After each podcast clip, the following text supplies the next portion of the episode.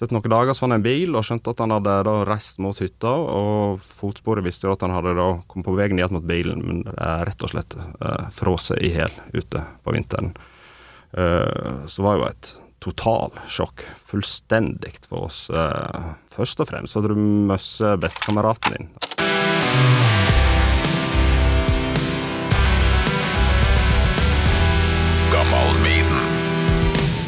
Kaffen var god, eller? Den var nydelig. Svart og god og jeg skal være.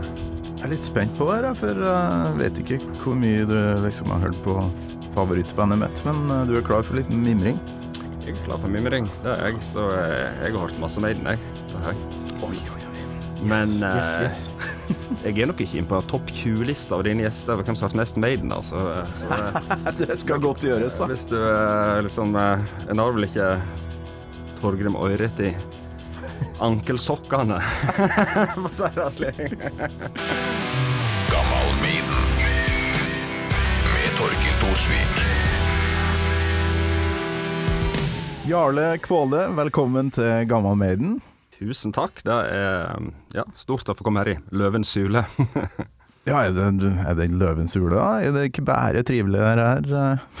Jo, men det er noe med eh, Altså, det er jo noe andaktig uh, over hele greiene. Uh, Iron Maiden, altså. Fins det noe større for uh, hardrock-fansen, og ikke minst for Maiden-fansen? Så jeg mener da, da er det Løvens hule å få lov å komme her. Ja, her skal du bedre holde eh, tunga rett i munnen, altså. Hvis ikke så kan Ja. du få eh, mobben på nakken. I hvert fall du som jobber med, med Tons of Rock, bookingsjef der, ikke sant? Og denne vekka skulle jo være uh, Tons. Hvordan er det å nok en gang ha, ha avlyst? Nei, det er jo trist. Det er vel egentlig det eneste jeg kan si at det er forferdelig trist. Uh, altså, disse siste to årene har vært et mareritt. Uh, det må jeg kunne ærlig innrømme at uh, det har liksom bygd og bygd denne festivalen, og 2020 var klimakset, da, med Maiden på Ekeberg og en fantastisk lineup, og så sitter du her i to år og klør deg i hodet og tvinner tomler og eh, blir ekstremt frustrert og får et håp om 21 og skjønner etter en stund at det ikke går og sånt, så klart Når, når skjønte dere det? Nei, altså Min magefølelse var jo litt sånn når vi kom ut i februar, at, dere skal holde hardt. da. Uh, Selv om en prøver å være optimistisk og alt. Men, men det er klart, det er så mange faktur, faktorer en ikke styrer. For, en har så mye forskjellig informasjon. Så, men det er klart, når vi kom litt ut i mars, så skjønte vi at det, er- det kan ikke la seg gjennomføre. Iallfall ikke på det formatet vi skal ha, og den størrelsen. Så, så eh, da var det på en måte å bare erkjenne det. Da- men parallelt så hadde vi jo jobba mot 22 hele veien. Eh, vi må jo alltid jobbe et godt stykke fram. Eh, de store artistene planlegger legger fram og sånt. Så eh, da var det jo eh, å begynne å snakke med band igjen. Og klart, prioritet nummer én eh, for Tons of Rock var jo å prøve å få tilbake Iron Maiden. Ja, og det Som vi alle vet, det skjedde, og det må jo ha vært veldig deilig, da. Ja, ja, helt eh, Det ble jo en sånn eh, Det ble en helt enorm barnslig glede, da. Og jeg, jeg og jeg og Mats, da, som var, har vært med å starte denne festivalen, begge to er jo sånn Når de skal si store klassikerne uh, tuner inn, sånn den første av oss som får bekrefta det, eller den som hører det, liksom, eller OK, nå skjer det, da blir det en sånn er ofte sånn liksom Kommer stille inn på kontoret, og plutselig bare tar du mobilen og skrur sakte, men sikkert opp en Maiden-låt, eller ja, sammen med ser at altså Slayer med sånne ting. Men altså, det blir en sånn greie, og så sier en liksom der, og begge blir liksom blanke i øynene, og ja. Det er, for det er, jo, det er jo det. Det er jo en barnslig glede i all den her eh, store galskapen. Det må jo ha vært en god periode sånn inni kroppen din, da, for det, det gikk jo veldig bra med, med Vreid, bandet ditt, Sogna Metal, eh, Wild North West har fått eh, herlig Ja, det er mye toppkarakterer rundt omkring i verden, så den, eh, den tida der må ha vært digg. Ja, det har vært. Altså noe fra hva jeg si, etter påske og framover, så liksom ting ruller bra med tons med tanke på 22. Flaskesøl, og ikke minst noe med Vreid, det har vært helt utrolig. Har jo vi har drevet med dette lenge og fått mye bra anmeldelser og gjort mye konserter. Så, men det er jo en sånn verden, og jevnt og trutt. Men denne gangen har det vært litt sånn spesielt. Det har vært ved, vært ved hele linja og eh, sier alltid fra vinylsalg til merch-salg til oppmerksomhet på forskjellige plasser, så skjønner du liksom du har truffet et eller annet. Men da klør det jo litt ekstra i fingrene etter å komme seg ut, for nå, nå skulle vi ha vært på turné. Men, eh, men det kommer. Vi er, vi er i gang. Så eh, til høsten eh, så blir det norgesturné og 22. Da, da skal det bli få dager hjemme. Ja, fy flate. Vi får høre på en Jarle spille bass uh, på podkast isteden. Hør litt på Vrei der. Tittelsporet.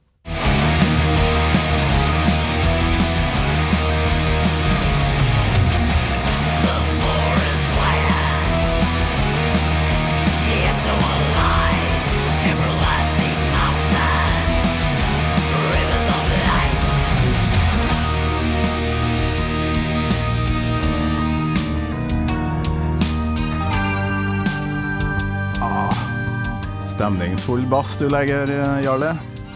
Litt Steve Harris-innspo? Ja, det er alltid, alltid litt Steve Harris, eh, selvsagt. da. Eh, Han er jo jeg må si, han er jo en av våre største inspirasjonskjeldene, men kanskje han syns det var det vanskeligste å på en måte etterligne. Eh, Det er ikke aldri blitt en sånn eh, jeg synes, Når jeg begynte å spille bass ganske tidlig, og prøvde på litt Maiden-låt, og syntes det var forferdelig komplisert. Det var altså Han testa jo litt med Kiss-ting og Ja, kan spille Wasp, testa litt sånne ting, Purple og sånne ting. og som da fikk litt tid, og etter hvert prøvde på litt harde ting, Sepultura og Death og så vidt. og Alt det var krevende nok, men, men eh, Steve Harris har en helt en særegen greie, altså. Det, det finnes jo mer tekniske bassister, men eh, det er ikke det det handler om. Og det, det er, jeg syns liksom Ja, det er jo ingen som, ingen som har den sounden, den spilleteknikken, den framtoningen. Der er han eh, han er en av de aller, aller, aller største. Men uh, før Vreid så var det jo Vindir. Uh, hos, og det kalte dere jo Sogna-metal. Hvordan kom fram til det begrepet og den stemninga som ligger i musikken deres? Nei, det starta jo med Altså, Vindir ble jo starta av Terje, Terje Bakken, eh, først. eh, Og, men vi, altså, vi var jo en gjeng med barndomskamerater. Han altså, nærmest naboen min bodde 50 meter fra hverandre og oppdaga rockeverden i lag. Så starta han Vindir. Vi starta et band som het Ulkus på den tiden. Men det Terje gjorde tidlig, var jo at han kasta seg rett inn i det her, hva si, black metal-landskapet. Okay. Og uh, med sin musikk, da. Veldig inspirert av de som kom i 293 der. Og, men eh, han liksom følte jo da at uh, alt ble bare satt i bås blant tiden der, så jeg tenkte ok, vi får lage noe helt eget. Ok, ja, Hva skal vi kalle det, da? Sånn, eller hva skal jeg kalle musikken min nå? Og da, da eh, var han kommet nære med Tekstene handler om Sognen. Det var gamle Segn, det var gamle historier. Så ble det dette er Sogna metal. Og ut ifra det så har det blitt et begrep som har fulgt hele tiden etterpå. og men i mitt hode så handler det først og fremst om å bare distansere seg fra begrep. Bare skape noe som egentlig ikke er et begrep. Bare for å Ok. si at vi gir blank F i hva Ja. du kaller musikken vår. Så da, det er jo der egentlig det kommer ifra. Sogn, altså jeg, har, jeg tror ikke jeg har spilt der, men eh, borti Årdalstangen er ikke så langt unna. Det er av og til sånn grønn fjord der av eh, Brevatn, er det? Ja, Det er stemmer helt nydelig. Og så er Jostedalsbreen rett oppi, oppi lia der. Litt er lenger inn i fjorden, ja. ja. litt av et landskap, da. Ja, det er virkelig. Det, det er dramatisk, og det er fascinerende. Og vi skjønte jo eller Det var en ting tidlig som ble naturlig å tegne musikken, da. Eh, og klart det var mange band som skrev om fjell og fjorder og tusser og troll og vikinger alt det der på, på den tiden. Men, eh, men den her lokale identiteten ble jo viktig, da. Og klart når du ligger der klemstra med Du har liksom Atlanterhavet har smasha deg inn, og så demmer opp mot Jotunheimen og isbreene, så det er spektakulært, rett og slett. Det er jo mange band som, eh, som opplever tragedien, og det fikk dere eh, gjort, for dere uh, mista han Terje. Hva var det som skjedde der? Terje han eh, gikk en tur mot eh, hytta si, så ikke noe vi visste. Eller det ble på vei mot familiehytta, og eh, i forferdelig dårlig vær så var det ingen som traff han igjen. Hørte ikke fra han. eh, begynte å lete etter han, skjønte ikke hvordan han var reist henne. Så etter noen dager så jeg en bil, og skjønte at han hadde da reist mot hytta. Og fotsporet visste jo at han hadde da kommet på vei ned mot bilen, men eh, rett og slett eh, frosset i hjel ute på vinteren. Eh, så var jo et totalsjokk. Fullstendig for oss. Eh, det, det gjorde jo at det, på en måte hele verden stoppa opp. Eh, Først og fremst at du møsser bestekameraten din. At du møsser en person du er så glad i, og noen som betyr så mye for deg. Og så, med Men sekundært da, så var det jo klart at musikken og Vindir, som i dag var et fullt band, var en så ekstremt viktig del av det vi gjorde på den tiden. Det var det vi levde ånda for. Det var det som betydde alt. Eh, så, eh, men så skjønte du jo, eller jeg, for at jeg og Jørn Trommisen bare snakket med meg, at eh, nå er jo Vindir over. Fordi at Terje var, var grunnleggeren. Og det var noe så viktig som mangla. Men, eh, men vi, vi skjønte også fort at vi må fortsette med musikk. Det er jo det vi brenner for. Så det gjorde at uh, bare noen uker etterpå så starta vi førsteøvingene som leda til Vreid, og kom med et album samme året som på en måte på mange måter var en slags reaksjon for å komme seg prøve å komme seg videre i livet. Ja, nå fikk jeg lyst til å høre på Winder, så skulle jeg gjerne ha slengt på en hel låt her, men bare for stemninga sin del, er det greit for deg? At jeg hiver på litt eh, Journey to the End her? Absolutt. Ja, kjør på.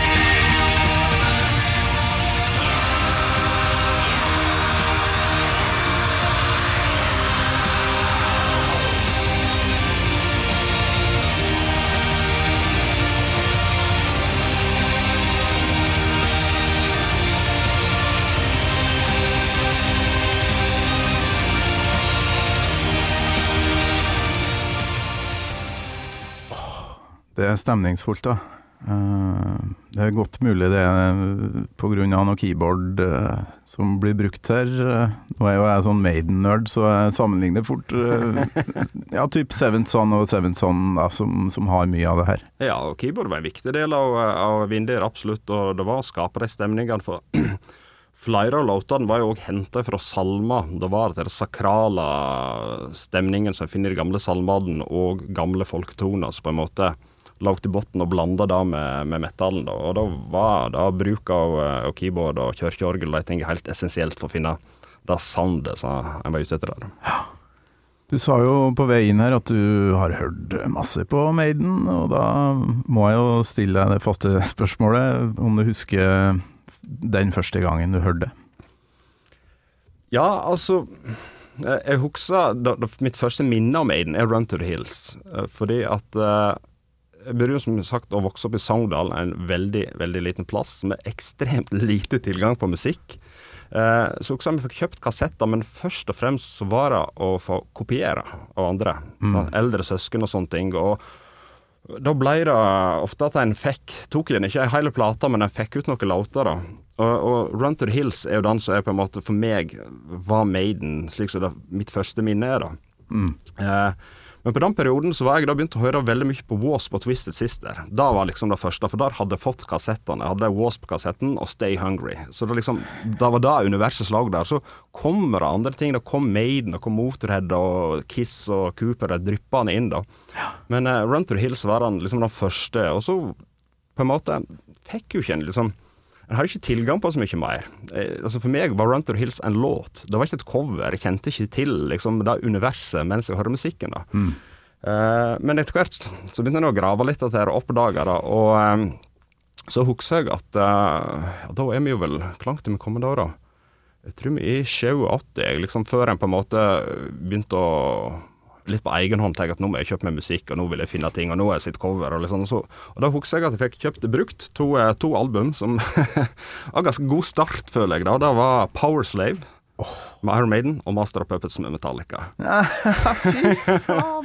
så da satt med disse to albumcoverne og tenkte hm, hva skal jeg begynne å lete Metallica kjente ikke til, rett og slett. Det var bare liksom, dette må du sjekke ut og sånt. Og så var det jo Maiden, og jeg hadde jo hørt en del på innimellom eh, mellom låter.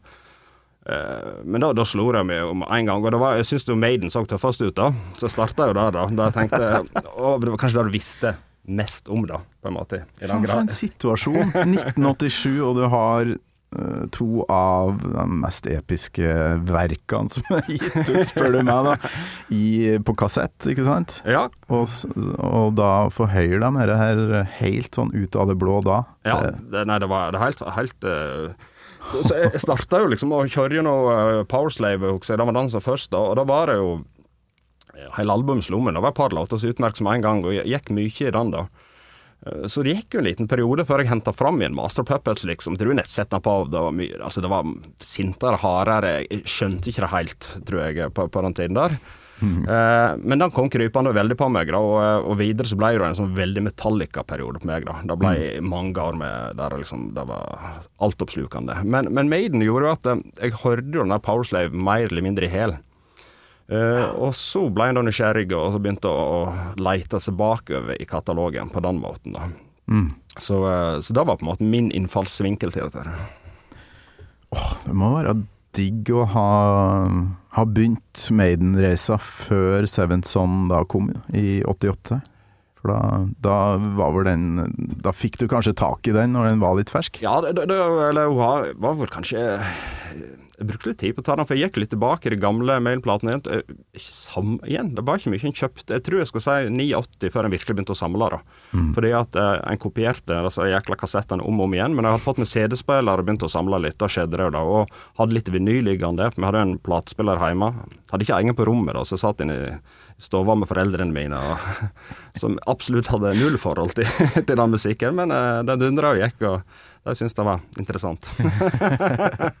så det, det var dere kommentarer fra, fra godstolen borti hjørnet, da, sikkert? Ja, det var litt sånn der kan jeg skru. Altså, til slutt så ble det vel en enighet med jeg flytta da anlegget inn på rommet mitt først, da. Og så, eh, så fikk jeg satt der og koste meg en del vinyl, og så, men så ble det CD, da. Som, så jeg ble liksom aldri en sånn stor vinylsamler eller noe. Da ble CD-en. Men da til gjengjeld så tok hun det helt av. Da hadde du jo liksom Du kommet på slutten av 80-tallet og du begynner å skjønne at her ligger det en godtepose fra et tiår tilbake, så du kan bare begynne å grave og grave og grave med Metallica, Megadeth, Maiden, alle disse og så videre tilbake. Jeg skjønner jo, men her var noe før da, 70-tallet. Så en fantastisk periode derifra, typ 8-89 til 2-93. Da var en oppdaga mye spennende, altså. Hvor gammel var du da? 87? 87 så var jeg ti år. Ti, ja? ja. Du er født året før meg, du da. Mm. Oi, oi, oi. Men du, det her vet jeg kommer til å ta lang tid, så jeg må bare, jeg må bare komme i gang med, med låta du har valgt deg. Eh, hva slags låt, og hvorfor? Jeg har valgt uh, 'Flash of the Blade', fordi at uh, da var den på en måte den første låten som catcha med en gang jeg hørte var det jeg ja, husker. Og den introen der, da var det bare what?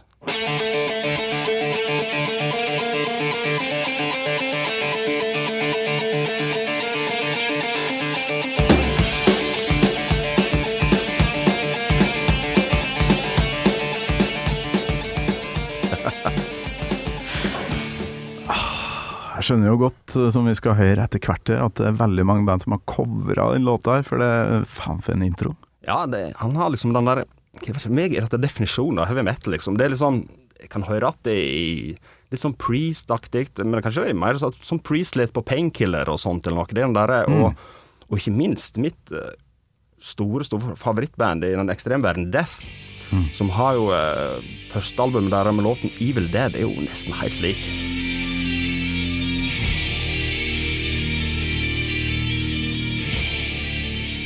Altså, det er liksom, dette jeg tror jeg har inspirert tusenvis, altså. Da. Nå, uh, det er jo vanskelig altså, men Hvis du setter på den låten og tenker nja, det er ikke så interessant, det er ikke vits å høre på heavy metal. Helt, helt enig. Spiller han faktisk på radiorock. Det er jo mye hits der. 'Number of the Beast', 'Run to the Hills', 'Can I Play With Madness'. Ja. Men 'Flash of the Blade', den spiller vi. Ja. Det, han har noe sånn ja, enkelt syns jeg. Selv om han egentlig er komplisert nok, men han er litt kort, han er direkte. Det er liksom, jeg føler liksom oppsummerer Maiden på eh, tre-fire minutter, liksom. Bare sånn at det er Maiden. Du har alt. Du har Dickinson sine refreng der, og bassgangene, og ikke minst verset, Så er så på en måte litt sånn småhissige rocker. Igjen litt sånn nikk til Judas Priest, føler jeg, på en måte. Det er et eller annet, eller link der som jeg eh, finner i den låten her. Og, uh, og, og så den låten òg uh, på samme tiden, da. Det blir sånn rart, for Maiden var jo store, men jeg var liten, så jeg visste ikke hvor store de var. Men jeg oppdaga jo Halloween på samme tiden. Ja. Og de ble jo veldig store, eller ikke nedret Maiden, selvsagt, men det var et band jeg hørte mye på. Keeper of the Seven Keys og Walls ja, ja. of Jericho og de greiene der. Og jeg tror Flash of the Blade har litt sånn vib mot Darien. Jeg tror Halloween har funnet veldig mye inspirasjon i, i den låten, og måten de strukturerer på.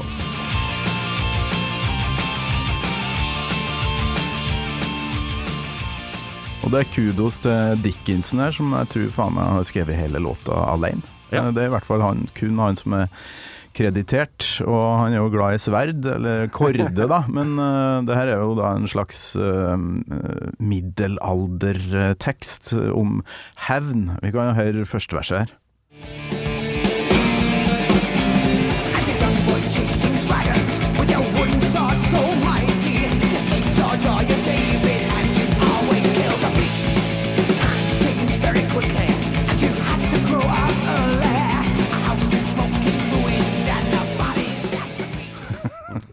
house in smoking ruins and the bodies at your feet. Ja, klart det, det er bare til å ja, bøye seg støv med en gang. Det er klart når du er ja, til edle å høre etter her, så er du bare spellbound. Ja, og så er det faktisk nevnt, jeg tror kanskje eneste gangen i katalogen til Maiden, Dragons, i, i første setninga her. Um, det la jeg merke til i morges, så jeg har jo drevet og påstått at Maiden er ikke noe Dungeons and Dragons-band, og det er de jo ikke. Ja, men her ikke. er det altså nevnt uh, ordet Dragons. Det Fins litt dragon i Maiden òg, altså.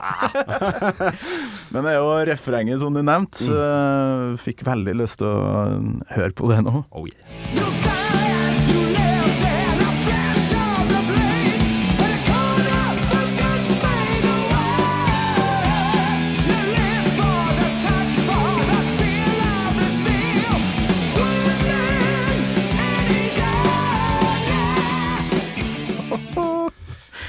Fantastisk vokal der, altså. Det er det. Helt vilt. Men det, det, det, ja. det, synes, det, du får liksom hele Dickinson på ti sekunder, og der er han ifra. Jeg er veldig glad i Dickinson han på en måte legger seg litt på det mørke og ikke alltid skal helt opp der oppe, men her får han der opp og så utrolig kjapt. Altså det nei, magisk. Og ned og Fram og tilbake. Og tekst eh, Altså, han Det er jo få som uh, får formidla tekst, sånn som han, syns jeg, da. Sånn historiefortellermessig. Absolutt. Det, det, det har også inspirert meg en god del Maiden. Hvordan det er, som du sa, lite dragons og lite tull og fjas. Det er Litt mer sånn historiebasert. Det syns jeg var veldig spennende. Jeg syns egentlig både de og de må liksom si Metallic òg, at det på en måte tekster så du kan både personlige, for så vidt, og uh, historiske. Jeg føler jo det med Maiden at det ja ja, det er historisk tekst og alt det, men jeg tror det ligger mye, veldig mye personlig formidling i det, innimellom linjene der. da. Eh, vi kan jo faktisk sammenligne da med tre Jeg har funnet en drøss da med coverversjoner her. Men jeg har klippet ut tre refreng av tre forskjellige band. Kan jo si på forhånd her at det er Avenged Sevenfold eh, først. Og så er det Rhapsody of Fire, som er da italienere. Ja. Og Six Feet Under, har du hørt om dem? Eh, Ja, det er jo uh, death metal-band uh, Cannibal Corpse, uh, Ja, ja, ja. Ja. Har du hørt den versjonen? Nei, takk. Det kommer til slutt i det klippet her, og det er så bra. You die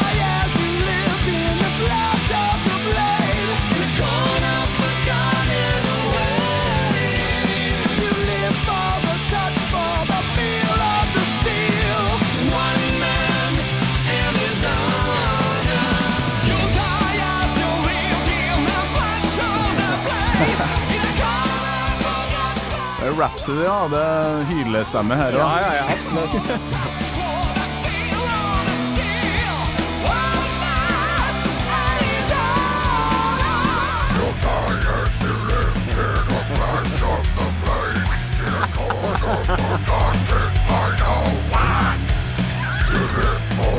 touch,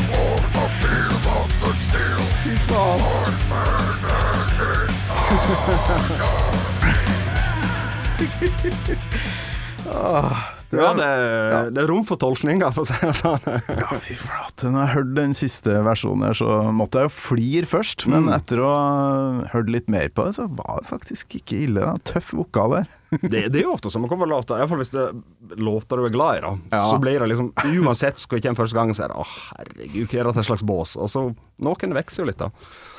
Og vi hørte jo på uh, Rhapsody-gjengen her at um, de dro jo den hylevokalen enda litt lenger, uh, på et vis. Ja, men det blir bare hyling, det er ikke følelser. vet du. Det er akkurat det jeg tenkte på. Uh, hva er det med Bruce Dickinson som er bedre enn det her, da? Og det um, Jeg vet ikke.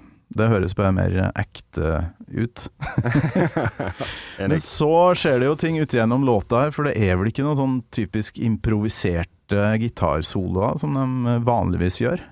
Nei, men det er sånn, jeg syns sånn eh, nikk til mer sånn klassisk musikk. Dette, her, da, det som kommer, det er litt sånn Det høres jo sånn litt, litt Altså, du kjenner jo med det, men litt, litt eksperimentelt, på en måte. Det er Ja. et eller annet det inne og toucher på noe sånn veldig sånn ja, klassisk musikkgreier der, så jeg, jeg syns det er veldig spennende. Gammel middelaldermusikk. ja. Skal vi se. Overgangen til første gitartema her nå først. One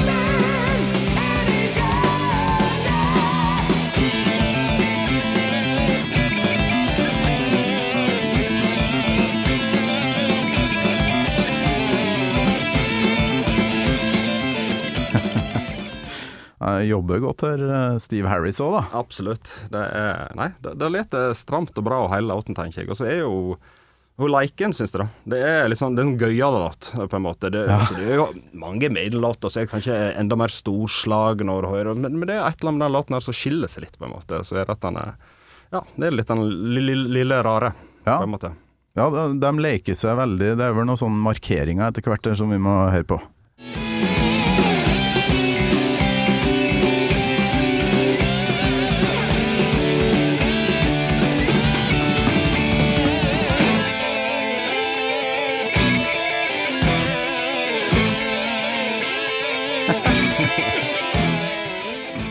Her skal vi bare gå all in, liksom.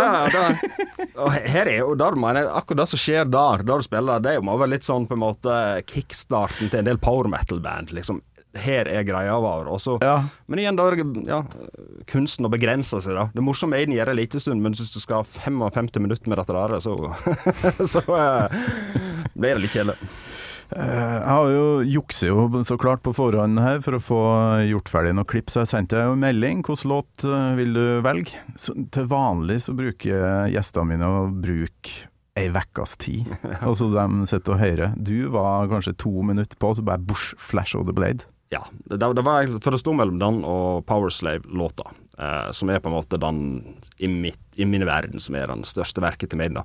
Eh, sånn eh, all over. Så, men eh, nei, det er den der. Som sagt, det er noe blir liksom Du blir glad med en gang du hører den. Det er noen låter, uansett hvor mange ganger du har hørt det, så du får liksom der, kjenner bare gliset rundt munnviken trekke seg opp. Der, den, den låten har den effekten.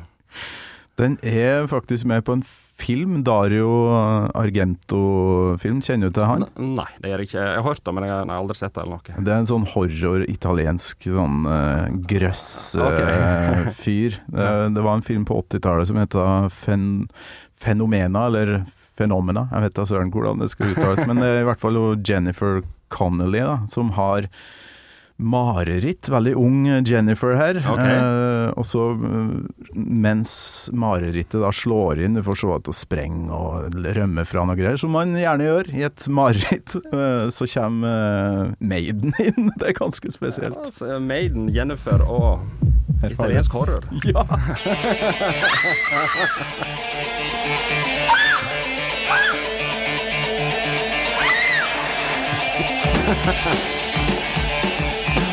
Litt rar, eh, rar setting for akkurat den låta her. Ja, det må jeg si. Nei, da, jeg tror faktisk, nå ble jeg nysgjerrig. Dette må jeg sjekke ut. Ja, Fenomena, altså, med Jennifer Connolly. Den må jo sjekkes ut.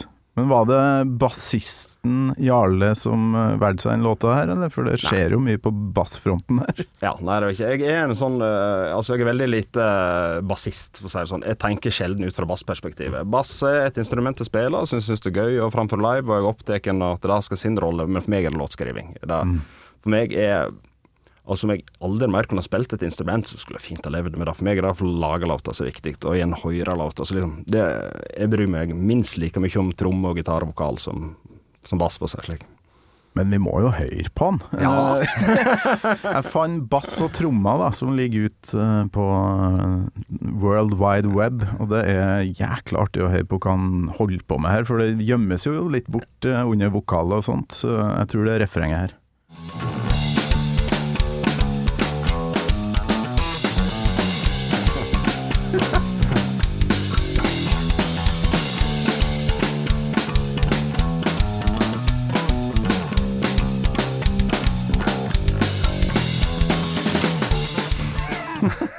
Fantastisk. Det altså Det, det er må å høre Maiden sånn, da. For du, du hører liksom denne Det er jo en helt egen liten verden som ligger under der. Og, Ah, faen. og det er litt sånn Hva skal jeg han har så, det er så fint med han òg, den litt sånn ujevne spillingen imellom. Sant? At du plutselig er litt hardere på ene strengen enn den andre. Det er, det er så lite polert som det går an, men likevel helt strøkent.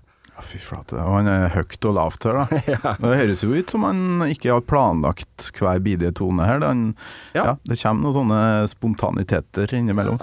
Jeg har jo aldri sett meg inn i hvordan han er i studio, eller det var morsomt å sett hvordan han jobber i studio. For jeg, det høres ut som du sier som at han på en måte sitter der og vi har litt og, Nei, prøv litt sånn, og så, og så leter du da tape, eller da opptaket være, da. Og det, det høres nesten slik ut, altså. Og det er jo det som er ja, som kanskje skiller eh, Maiden fra en del andre band, og at eh, det er noe rusk og rask. Det er ikke, det er ikke jævlprodusert. eh, alt sammen, i hvert fall. Nei, absolutt ikke. Men det er, det, det er jo vanskelig, vil jeg si. Det er vanskelig å covre Maiden-låt og få til å lete tøft. Det er dritvanskelig. Og, men likevel så er det liksom ikke at det teknisk er så komplisert. Men det, det er det rare. Du, som, teknikk kan du alltid lære deg, men feeling og sjel, det, det er en helt annen ting. Mm.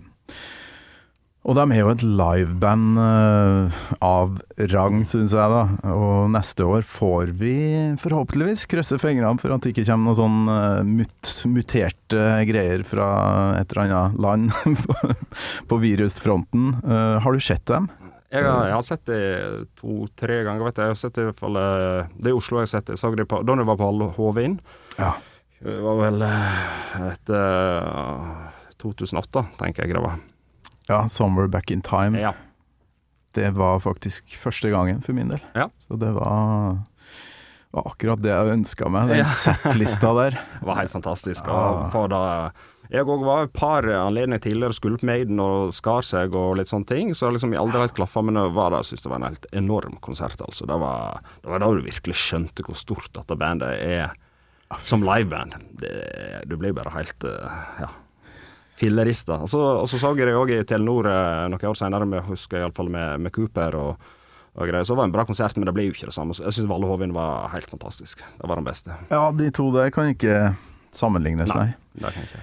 Og det er vel den legacy-biten de kommer tilbake med, ikke sant? Ja, det er det. Så da er jo gode perler Flight of Icarus var vel plutselig med på settlista Oh, yes. det, er, det er jo hele Jeg håper jo liksom eh, Vi har jo sett settlisten de har gjort siste året, så er det liksom spennende om de, om de drypper inn ett eller to nye spor her. Og Mm. og, ja. Det er jo, jeg er jo veldig glad i, i førsteplata, da, så jeg elsker jo når de kjører ting derifra. da, så uh, Nei, veldig spent på hva som dukker opp, da. Ja. Du, I 2019 så var det jo Da flytta dere til Ekebergsletta, og så ble sjefen sendt meg til Trondheim, for der skjedde jo ting samme helga. Eh, Jeg er jo DumDum Boys og Iggy Pop, eh, og ble jo Kiss-fan oppe i Trondheim den helga der, så eh, jeg har faktisk ikke vært på Tons på Ekeberg. Jeg Er dere skodd for eh, gigabandet Maiden oppe der? Er det plass? Ja, det er plass til Iron Maiden. Vi, vi rigger plass til Maiden, for å si det slik. Så det, det, det kommer til å bli helt eventyrlig på den sletta der oppe. For det, det er et utrolig fint uh, område som ligger på en måte eh, ja, med skogen rundt seg og et naturlig liten stigning am, am, ja, som Ah, ok. et amfi. Og du får den der, og så likevel foran den liksom store europeiske festivalfølelsen med at du har den sletta. Ja. Uh, og uh, da å få sette opp Maiden sin produksjon der, det blir helt vilt. Jeg tror de eh, Trine og de andre som styrte produksjonen vår, har jo begynt å svette allerede og drømte drømt om Maiden i flere år, så, men nå har de hatt noen år å forberede seg nå. Ja, fy flate, for det der eh, De skal jo da egentlig bruke samme scenen som alle de andre headlinerne, ikke sant? det skal de. Men de har noen minutter da på å få opp den siste staffasjen eh, etter forrige band, på et vis. Ja, det er jo helt vanvittig at de kan rigge en sånn produksjon på så kort tid. Men det, er klart, de kommer jo inn tidligere, så det, det er på en måte du setter opp Maiden, tar vekk ting som eh, på en måte skal passe for de andre bandene, og så er det prater med Maiden. Altså, det er jo klart eh, en del arbeid blir gjort dagen før om natta og alt, men det, det er jo helt enorme forberedelser. Altså, du, det sitter jo sånn vekentlig mailing i åtte-ni måneder bare for å dobbeltsjekke alle detaljer og planlegge, og kommer der, og så er det klart at eh, de er store, de gjør som de er bestemt, og plutselig ombestemmer de planene dagen før eller noe, så må du tilpasse deg. Så det er en eh, det er en helt ekstrem ting. Mye mer krevende, vil jeg si, versus å f.eks. arrangere en egen stadionkonsert der eh, Maiden kommer og skal inn, for da har du på en måte de å fokusere på. Her har du eh, 50 andre band som som skal ha sitt òg. Du, vi må tilbake til, til Sogndal, inn i den eh, nydelige fjorden der. Uh, var det et miljø? Hadde du en sånn uh, kompisgjeng som uh, digga samme som deg, sånn at dere fikk uh, ja, heia fram hverandre?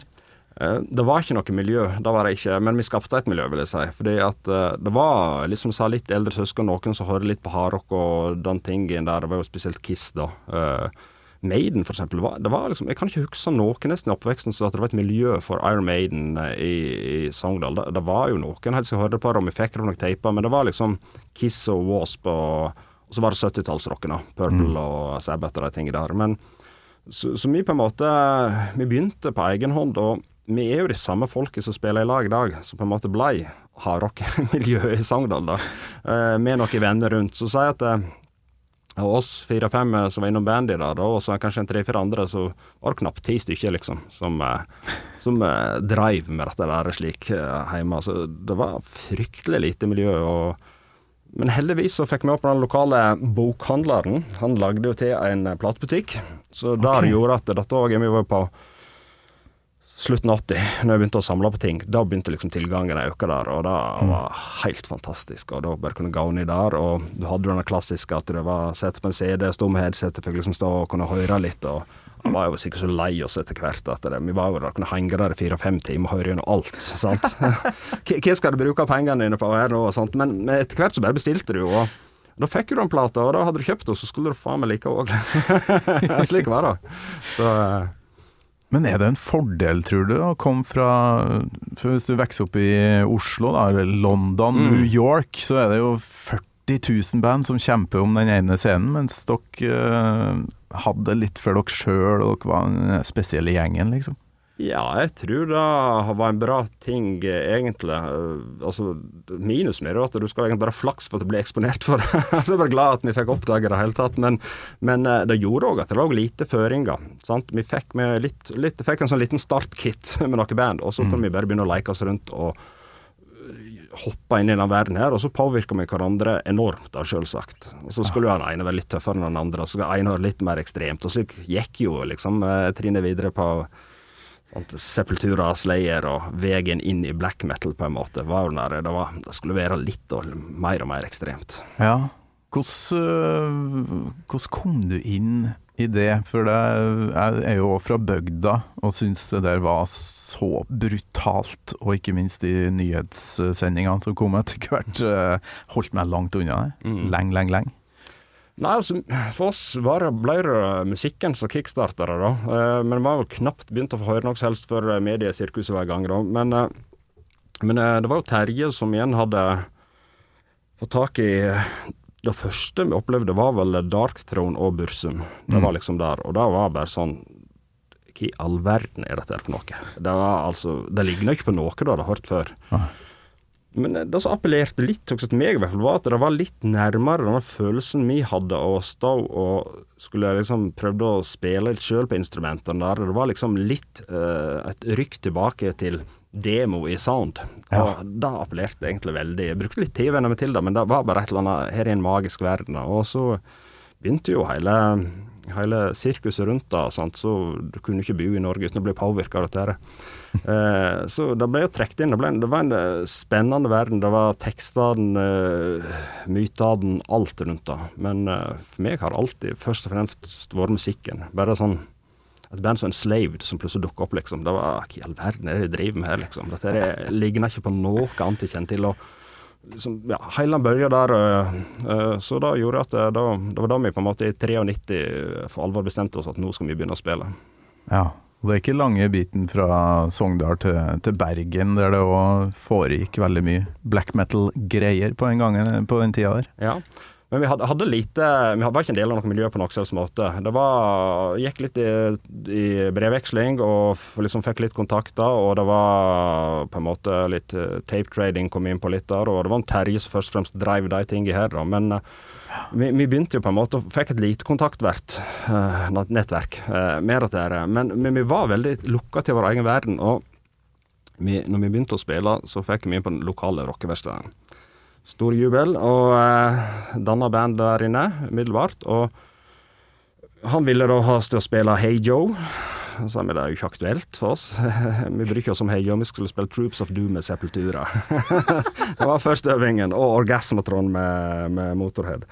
Så eh, det, det, det førte jo til at det, Og der fikk vi lov å øve én time i veka Altså, det kommer aldri til å funke. Så eh, vi reiste hjem til eh, far til Jørn, trommeslangen vår, så hadde en stor, gammel fjøs de ikke brukte. Og lurer på om vi kan få lov å rydde ut av noen rom her og rett og slett eh, gjøre rom til vår egen plass. Og det fikk vi lov til. Ja. Så da hadde vi spilt kanskje i en måned. Uh, instrumenter i det hele tatt. Og laga vår egen plass der vi kunne være døgnet rundt. Oh. Og der satt vi da ifra uh, 94 til 2000 og brukte mesteparten av vår tid og kunne ta opp egne ting og egne Hadde firesporer opptaker og satt og bodde, festa gjorde, Altså, livet vårt var i den fjøsen. Jeg lurer på hvor mye norsk metal som er skapt i et fjøs, en grisebinge, et hønsehus. eh, Mayhem eh, drev vel og øvde i noe sånn hønsebur. Ja. Nei, nei, det, er jo der det ligger. Altså, den her ekstremmetallen, eller black metal, eller hva jeg vil, kommer jo mye fra bygda. Og jeg tror liksom da at folk som greide å finne sine egne plasser, fikk et lite miljø. Det ble altoppslukende. Og da tykker jeg det har vært veldig synd, når jeg ser på Norge i all ettertid, hvor, hvor utrolig elendige vi er å legge til rette for sånne ting. Liksom, du skal gi ungdommene plass å være, du skal stå i en eller annen musikkbing og få lov å gjøre Altså, kom igjen. Hva du tror, liksom. Jeg mener du må legge til rette. Gi det. Det står jo nok av tomme hus rundt omkring. Det er offentlige bygg eller et eller annet. Altså, hva verst som kan skje? da? Ja, noe blir ødelagt, ja, men da får jeg stå til ansvar for det. Det er jo ikke så Altså, kan ikke det bare gi ungene en sjanse til å liksom utfolde noe? da? Det, jeg syns det er nitrist at vi sitter 30 år etterpå og det er ikke et hakk bedre enn det var. Det er jo ingenting som blir ødelagt heller.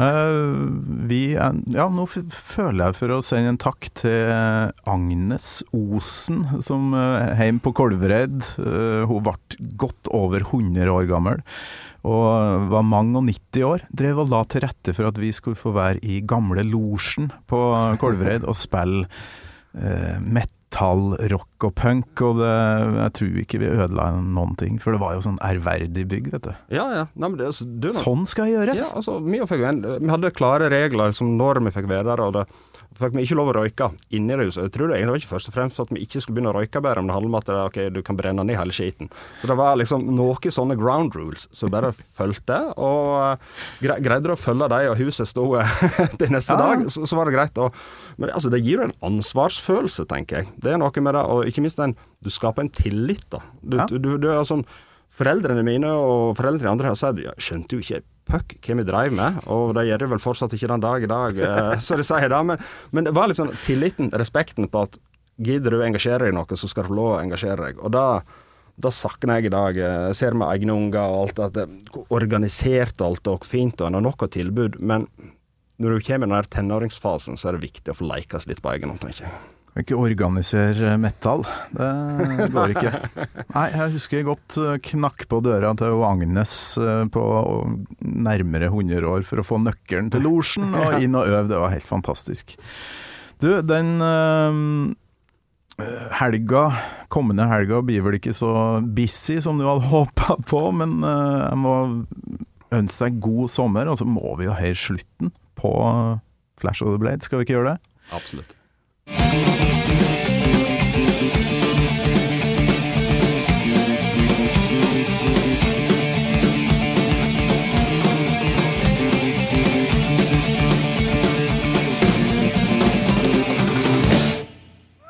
Sånn, ja. Så et låtvalg da, Jarle. Helt vilt bra. Eh, og Powerslave, uh, ja, den har kanskje et par uh, daupunkt, eh, enkelte som påstår, men fy flate. Ja, jeg vet ikke. Jeg liker flat òg. Fra A til Å. Ja, ja. Nei, helt uh, nydelig. Så eh, jeg har kosa meg glugg. Elsker mest mulig dialekt i den podkasten her, og det fikk jeg i bøtta og spann i dag, i hvert fall. Ja, men det er viktig. da. Det er vel i NRK har vel 25 så vi må få snike noen prosent i Radio Rock òg. Veldig bra. Så eh, håper du har kosa deg, du òg. Og takk for besøket. Veldig trivelig å få være her og snakke om fantastiske Maiden. Gammal Maiden med Torkel Thorsvik, en podkast fra Radio Rock. Tonight,